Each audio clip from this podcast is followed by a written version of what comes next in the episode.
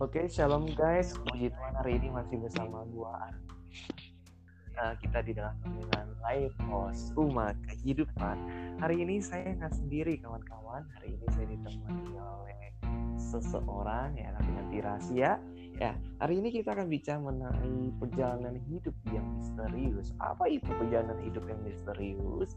Perjalanan hidup yang kita tidak tahu kapan kita akan selesaikannya Ya, maksudnya apa? So, maksudnya bahwa kehidupan kita semuanya punya limit waktunya. Hari ini kita buka di dalam Yakobus pasal yang keempat ayat yang ke-14. Dikatakan gini, sedang kamu tidak tahu apa yang akan terjadi besok, apakah arti hidupmu? Hidupmu itu sama seperti uap yang sebentar saja kelihatan lalu lenyap. Hari ini kita bisa kelihatan hidup, besok belum tentu. Ya jadi semua lim semua hidup kita ada limit waktunya dan kita nggak tahu kapan. Nah hari ini gue ditemani oleh Bro Andreas Pisti Kindangin. Uh, beliau ini uh, pernah dinyatakan positif dalam COVID-19 tapi hari ini ya puji syukur dinyatakan negatif sudah sembuh. Nah hari ini uh, kita sambut dulu. Sih ya kita sambut dulu ya kita sambut dulu Andreas Kristi, Bro Andreas, shalom. Iya, salam Aris. Oke, puji Tuhan, uh, Bro Andre. Uh, hari ini gue ingin uh, bertanya-tanya, boleh ya, tentu ya pengalaman. Iya, silahkan aja. Akan positif. Uh, menurut lo uh, hidup ini kan memang besok kita nggak tahu apa yang akan terjadi ya, bener ya Andreas ya? Iya. Nah, lu pun juga lu nggak tahu kalau lu ternyata uh, pernah positif juga ya yang dulunya lu mungkin lu besok hari juga lu kan nggak tahu ya kan mungkin lu merasa besok gua tuh sehat eh ternyata tiba-tiba positif nah hari ini boleh lu sharingkan ketika lu dinyatakan positif kena covid-19 uh, hal apa yang bisa membuat lo uh, bangkit dan menguatkan lo ketika berita menyatakan ada orang yang bisa sembuh dan ada orang yang bisa dinyatakan secara nyata meninggal. Ya boleh Bro Andreas untuk bersaksi untuk kita semua. Tuhan Yesus berkati kita semua. Ya boleh Bro. Oke, terima kasih Bro Aris kesempatannya. Jadi sebenarnya waktu dinyatakan positif itu itu udah selang sekitar satu bulan setelah gejala-gejala awal muncul. Jadi pas dinyatakan COVID itu sebenarnya udah sehat aja sih. Nah cuman kalau kita flashback pertama kali itu kan gejala itu muncul di awal Maret. Di mana waktu itu gue sempet pusing, batuk, pilek dan lain-lain lah. Sampai makan aja susah, susah buat nelen gitu kan. Tenggorokan ini udah terlalu parah begitu. Nah, singkat cerita, setelah dua minggu sempat sakit, nah minggu ketiga itu sebenarnya udah mulai ke arah sembuh. Jadi minggu ketiga ke arah sembuh, walaupun itu sebenarnya belum kedetek. Gue sendiri belum tahu kalau itu COVID gitu loh. Cuman karena hmm. kan ada istilah ODP, ada istilah PDP dan sebagainya. Dan pas kita berobat itu, memang dari pihak rumah sakit itu bertahap ada namanya rapid test. Nah awalnya negatif tapi setelah berapa kali dirapid positif hasilnya. Sehingga rumah sakit mengajukan untuk tes swab bagi sekeluarga. Jadi semuanya hmm. dan akhirnya kedetek lah semuanya ternyata positif. Positif ya? Iya. Dan hmm, gue gitu, gitu. Nah. mikirnya itu ya bersyukur ya. Karena waktu sakit mm -hmm. itu sebenarnya gue uh, kok bertanya-tanya gitu kok sakit ini lama gitu. Dua minggu lebih tapi nggak sembuh-sembuh.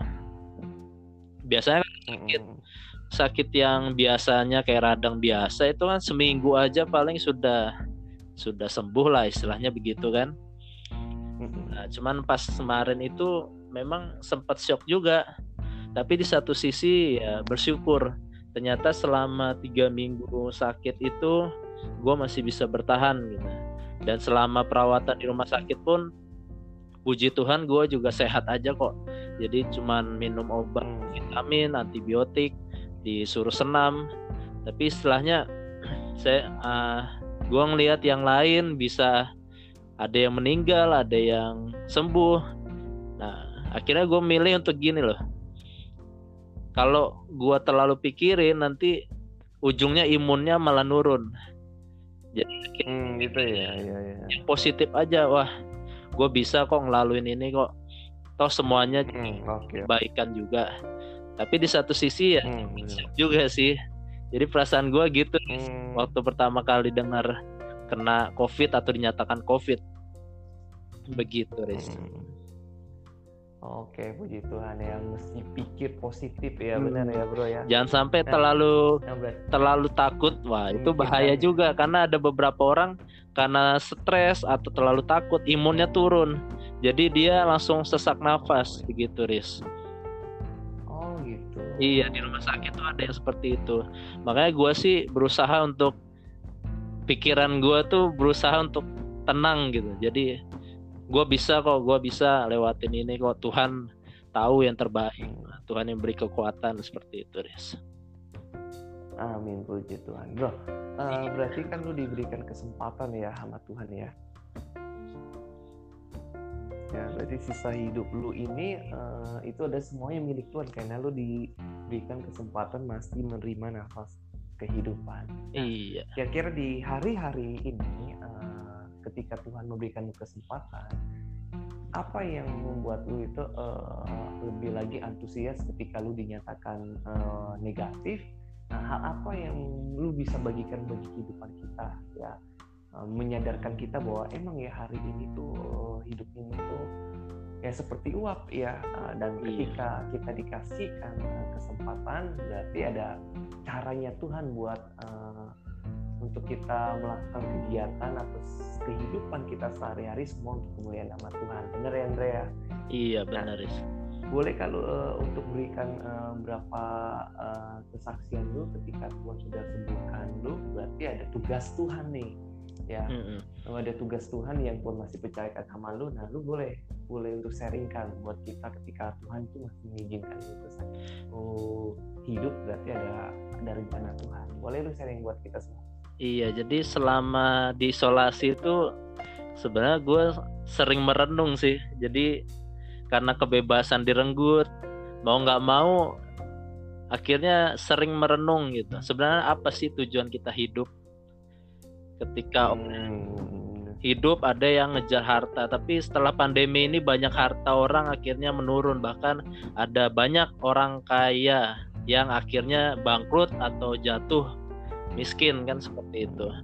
Terus ada juga yang gue lihat ada anak muda umur masih 30-an tahun 30 uh, tahun ke bawah juga ada. Dan itu ada juga yang meninggal karena covid gitu kan. Ya gue sempat bertanya-tanya sih sebenarnya kita nih hidup untuk apa gitu. Dan hmm. kan memang hidup ini sebenarnya hanya untuk kemuliaan Tuhan, hanya untuk menyenangkan Tuhan. Akhirnya di isolasi itu memang banyak waktu untuk kita berdiskusi, untuk kita merenung, untuk kita uh, baca firman Tuhan dan sebagainya. Jadi memang untuk orang di luar sana ya untuk pendengar di uh, podcast ini ya, gue sih sarannya cobalah kita renungkan sebenarnya apa sih tujuan kita hidup. Kalau cuman sekedar harta sekarang ini harta itu bukanlah jaminan gitu ketika kita kena covid hmm. semua orang jadi sama. Nggak ada yang kaya nggak ada yang miskin dan sebagainya. Toh kita juga ada juga anak-anak muda yang akhirnya kena covid dan nggak bisa melanjutkan hidup kan seperti itu. Jadi kita ini memang harus memikirkan bagaimana sih hidup kita ini bermanfaat buat orang lain. Bagaimana hidup kita ini sudah bukan lagi mengejar harta tapi mengejar apa setelah kita hidup nih kita ke mana gitu Oh, atau okay, dengan kata lainnya kita harus memikirkan kekekalan itu sendiri. Hmm. Begitu, Riz. Oke, luar biasa Andreas. Ini menjadi berkat buat kita semua. Iya.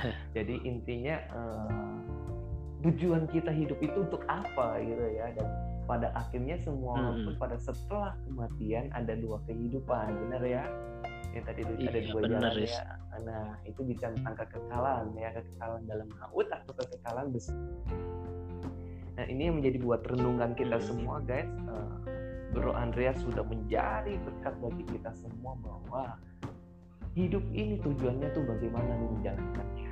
Ya jika lu ngejar harta ya tapi lu nggak deket sama Tuhan di akhir kehidupan lu ya lu nggak menemukan kekekalan nah jadi hari ini uh, thank you so much buat uh, Bro Andreas ya yang udah menjadi iya sama-sama Riz. kita semua biar ini menjadi berkat kita. Ya Andreas uh, lu boleh uh, sedikit lagi boleh ya Andre ya? Iya nggak apa-apa Riz.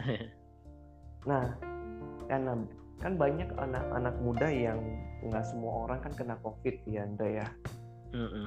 ya ada yang kena ada yang nggak kena. Nah hari ini uh, menurut lu uh, ketika lu dinyatakan lu kena covid lu kan lebih gampang merenung ya. Mm -hmm. oh ternyata hidup lu kayak gini. Justru orang yang nggak kena covid kayaknya lebih kayaknya mungkin ada yang waspada ada yang santai-santai mm aja. Nah lu boleh kasih nasihat gak untuk kita yang mungkin tidak kena covid uh, supaya kita bisa benar-benar merasakan bagaimana peristiwa di ujung-ujung kena covid itu juga. Hmm. ya boleh bagi saran buat kita semua yang mungkin yang nggak kena covid gitu.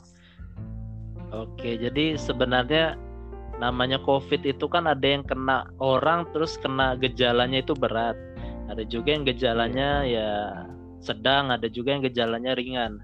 Nah kemarin gue itu kan sedang aja sih sebenarnya gejalanya nggak terlalu berat juga karena ada beberapa orang yang sampai nggak bisa nafas sama sekali sesak nafas dan sebagainya. Oh gitu. Jadi saran gue sih sebenarnya hindarilah untuk hmm. keluar-keluar kalau itu tidak begitu penting seperti itu. Karena kalau hmm. kita kena dan kita nularin orang lain, belum tentu orang lain yang kita tularkan itu dia gejalanya sama seperti kita bisa jadi hmm. dia yang parah kita yang ringan aja gitu kan hmm. tapi sebenarnya covid ini ya kita nggak bisa lihat. Kita hanya bisa mencegah dan meminimalisir kan seperti itu Riz. Hmm, gitu, gitu, jadi pesan gue sih sebenarnya untuk anak-anak muda ya memang semua kita pun merasakan gitu. Kebebasan direnggut nggak seperti dulu lagi. Tapi ya inilah keadaan yang sekarang sedang terjadi. Mau nggak mau suka nggak suka kita harus tetap menjalani itu gitu jadi satu sisi jangan terlalu takut juga tapi hmm. jangan terlalu keroboh juga gitu Riz. Hmm, akhirnya kita menyepelekan aturan atau kita melanggar aturan. Ya kita seperti biasa aja tapi tetap waspada seperti itu Riz. Jangan sampai kita juga terlalu takut karena itu bahaya. Imun kita itu cepat turun kalau kita terlalu takut. Begitu wah luar biasa Andreas ya Oke, okay, thank you so much uh, Bro Andreas. Uh, bagi teman-teman iya, dikasih Tuhan, kawan-kawan dikasih Tuhan ini berkat yang luar biasa bagi kita semua. Ya, ini emang keadaan kita saat ini. Ya, jadi ingat uh, walaupun lu nggak kena COVID tapi lu mesti waspada lu juga mesti jaga kesehatan. Ya ketika lu dinyatakan kena covid walaupun badan lu seakan-akan fit tapi ketika orang kena ya tertular keadaannya bisa berbeda. Justru dia bisa lebih drop iya. lagi ya benar ya. Benar banget oke okay, nah. Oke okay, maka dari itu sekali lagi gua thank you so much bro Andreas iya, yang udah menjadi berkat kita semua. Oke okay, untuk teman-teman dikasih Tuhan ya tujuan hidup kita untuk kemuliaan nama Tuhan. Sebab di akhir kehidupan ini hanya dua jalan saja, kekekalan atau maut. Oke, itu aja. Oke, Tuhan Yesus berkati kita semua. Prioritas Tuhan dalam hidupmu. Haleluya. Amin.